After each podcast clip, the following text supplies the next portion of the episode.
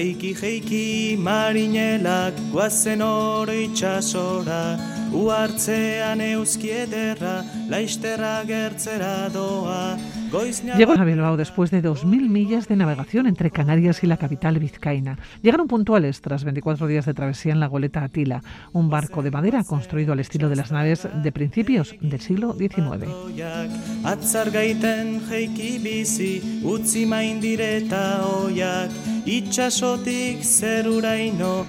Un viaje triangular entre Canarias, Azores y Bilbao. Xavier Bañuelos, ya en casa, ¿cómo estás? ¿Cómo ha ido todo? Pues muy bien, la verdad es que ha sido una experiencia estupenda, fantástica. Y bueno, como bien dices, en casa, ¿no? Descansando, porque el mar cansa, ¿eh? No creas. Llevo ya cuatro días en tierra, efectivamente ya mm. al puerto base de La Tila, que es el muelle del Itas Museum de, de Bilbao. Y bueno, con la cabeza ya en el suelo, firme, ¿eh? Pero te diré que con el corazón todavía en el barco. Llegasteis puntuales, me llama la atención tras 24 días de travesía. Cuando uno se monta en el barco, se monta en la goleta o está a expensas del tiempo también y del bar, no se sabe muy bien si se van a cumplir todos los plazos. ¿Los habéis cumplido?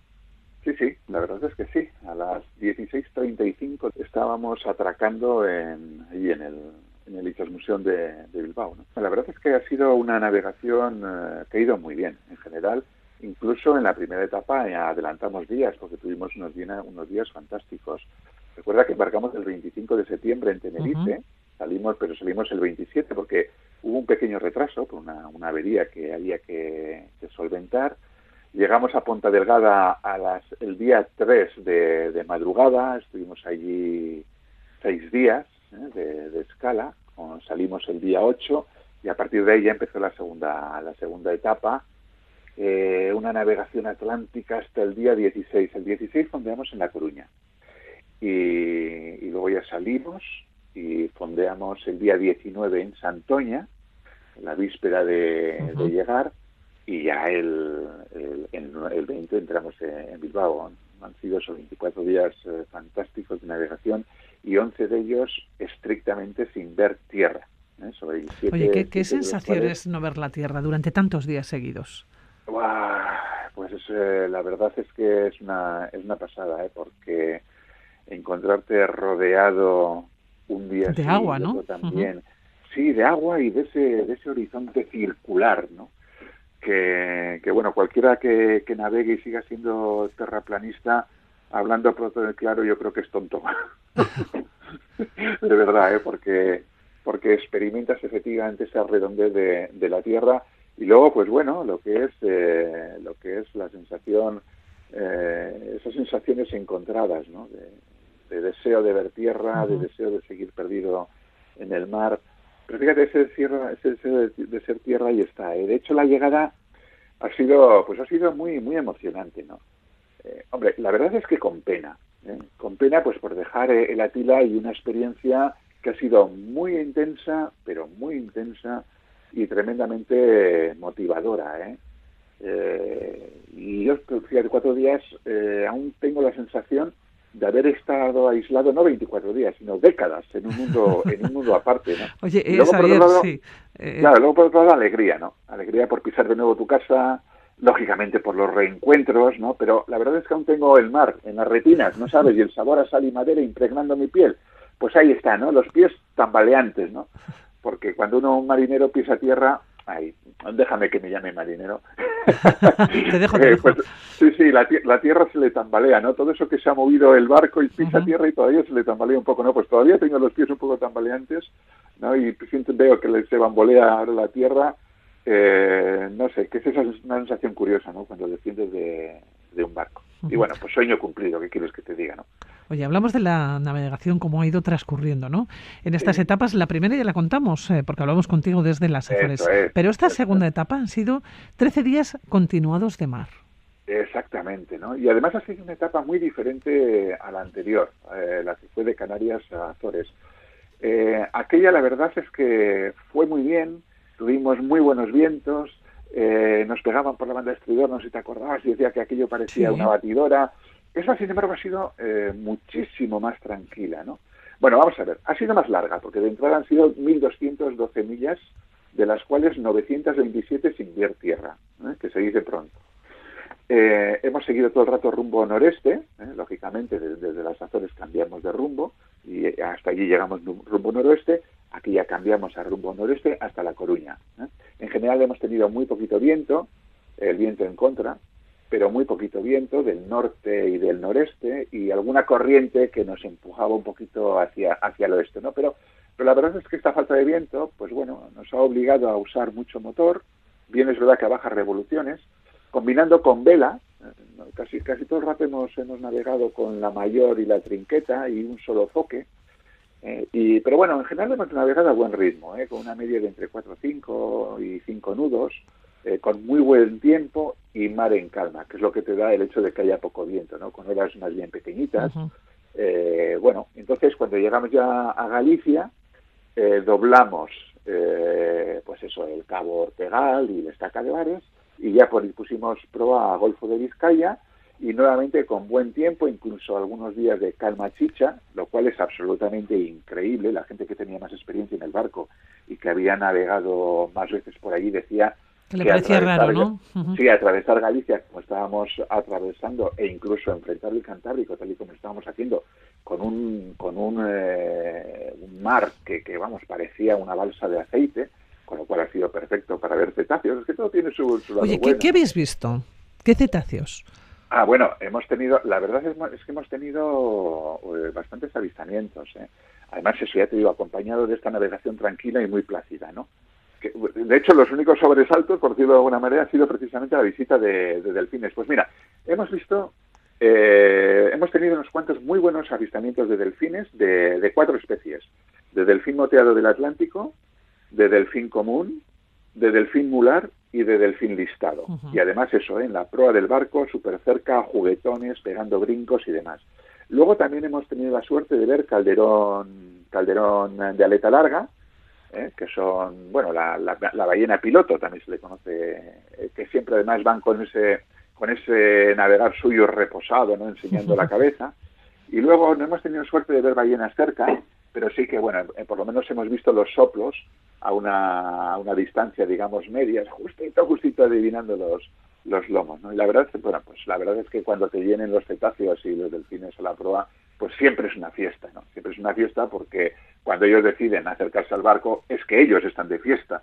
Y entonces, eh, pues bueno, verles saltar, brincar y hacer acrobacias, pues siempre es, eh, divertido y también también bonito. ¿no? Ellos se acercan, están de fiesta y vosotros también, evidentemente, eh, viéndolos. Oye, nos decías que, había sido tu experiencia más larga eh, navegando y que has tenido el timón en las manos. Ajá, o sea, ¿te han dejado navegar? ¿Te han dejado gobernar el barco? Bueno, de eso se trata, ¿no? Al fin de cuentas, la gente que, que va allí a ver, eh, hay una hay una tripulación profesional que controla perfectamente todo lo todo lo relativo a la navegación y al barco, pero el resto de tripulantes vamos de aprendices, ¿no? Para aprender a navegar. Entonces, lógicamente, tienes que pasar por todas las eh, digamos las distintas tareas que supone el gobierno de un barco, desde la limpieza de los baños hasta llevar el timón, ¿no? O sea, absolutamente todo, ¿no? Mira, ha sido mi experiencia más larga navegando.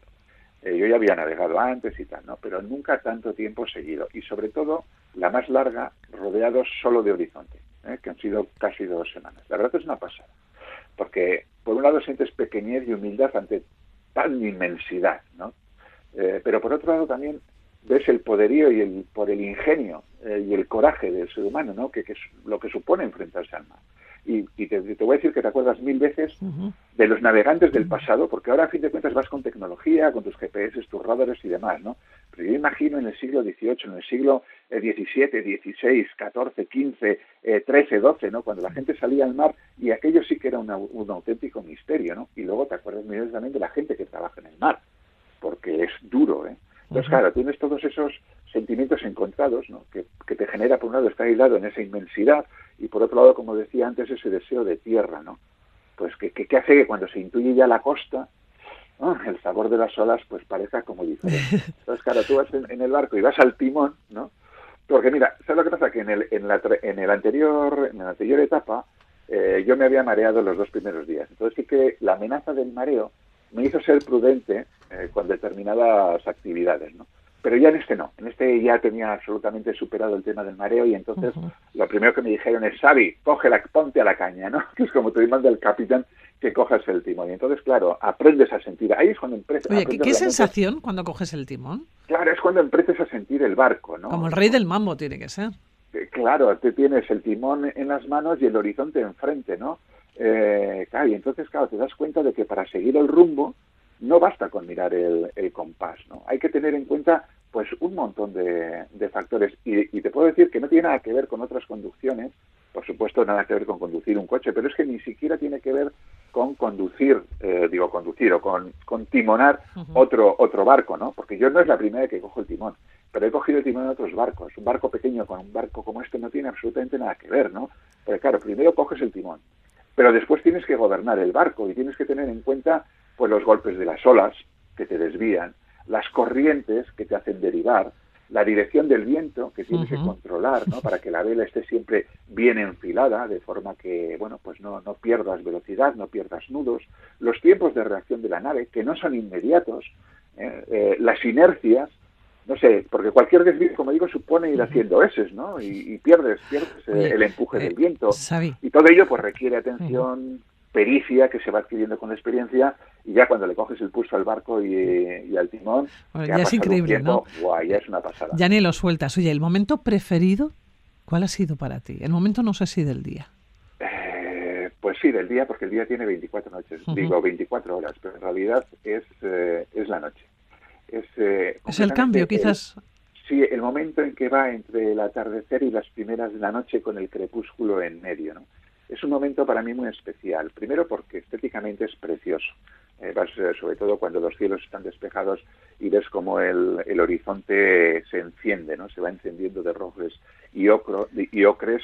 Qué bonito, se pone el sol más del horizonte, empieza esa hora crepuscular donde van cambiando los colores, ¿no? De, ese azul, de esos rojos a un azul profundo y de un azul profundo al negro, y van apareciendo, pues primero los planetas, ¿no? Venus, Júpiter, Saturno, y después todas las estrellas, ¿no? ¡Qué envidia, Xavi, ahora mismo! Mm. tremendos y con la, como hemos seguido todo el rato rumbo, rumbo norte, siempre teníamos en la proa eh, la osa mayor, la osa menor y, la estrella polar, ¿no? Entonces, un auténtico, una auténtica preciosidad. Y luego la tranquilidad, ¿no? Porque ya la gente se ha ido a descansar, tú estás allí en el barco, a veces llevando el timón, otras veces acompañando a tu compañero o tu compañera de guardia, y eso, la verdad es que es indescriptible. Es una sensación de tranquilidad, de paz, de yo conmigo mismo y con el mar, ¿no? Y con el barco que, el barco que cruje, el barco que habla, ¿no? Eh, que habla en, la madera, que habla en las velas. La es una sensación increíble. Uh si te preguntara por tu lugar preferido del barco. Mi lugar preferido del barco es el Bauprés. es el Bauprés. El Bauprés es el espolón este que le sale en proa al barco, ¿no? Donde van atados los, los foques. Bueno, pues, eh, pues sí, porque te podría decir, ah, los mástiles, ¿no? He subido a los mástiles, va, 16 metros con una escala de cuerda hasta el carajo, ¿no? Eh, o el carajo la cofa, ¿no? Que es donde, donde, se situaban los, los vigías y tal.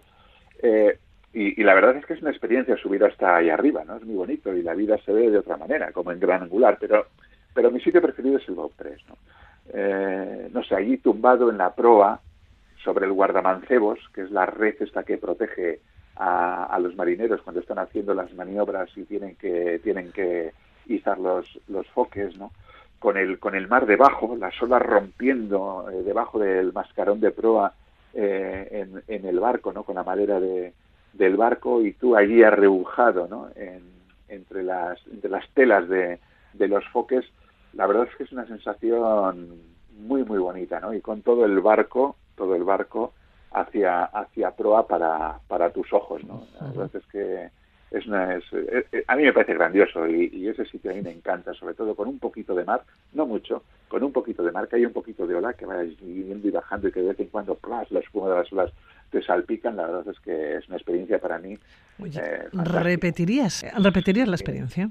Hombre, claro que repetiría vamos, de hecho, la voy a repetir, pero vamos, sin duda, ¿eh? date cuenta que ha sido una vivencia extraordinaria. Ha sido formidable como experiencia viajera, ¿eh? Porque al final eh, yo creo que todo viajero debería por lo menos experimentar el viajar, hacer un viaje largo, una travesía larga por mar. ¿eh? Es viajar al todo y a la nada. Es un viaje con destino y sin destino. Es un viaje dentro y fuera de uno mismo, ¿no? es un viaje solo, porque tienes que buscarte la soledad y acompañado ¿no? por el resto de la, tripulación. Y luego además es una, y desde el punto de vista personal es también tremendamente enriquecedora, ¿no? porque te, pone, te pones a prueba constantemente en tu capacidad de resiliencia, en tu empatía, en tu capacidad de organización, en tu austeridad. Que si voy a repetir, por supuesto que voy a repetir. Y además te voy a decir, voy a repetir y voy a repetir en el Atila. ¿Y por qué? Porque mira, como me decía una compañera de, travesía, que es miembro de, de la tripulación, una chavala de 24 años que ama el mar, me decía, el Atila es un barco con alma.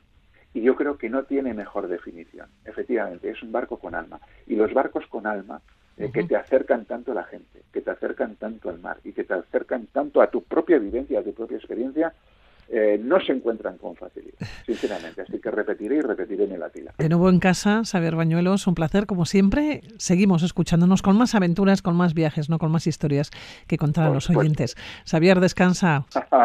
Venga, es que ricasco. Agur, Soria, agur. Agur, va.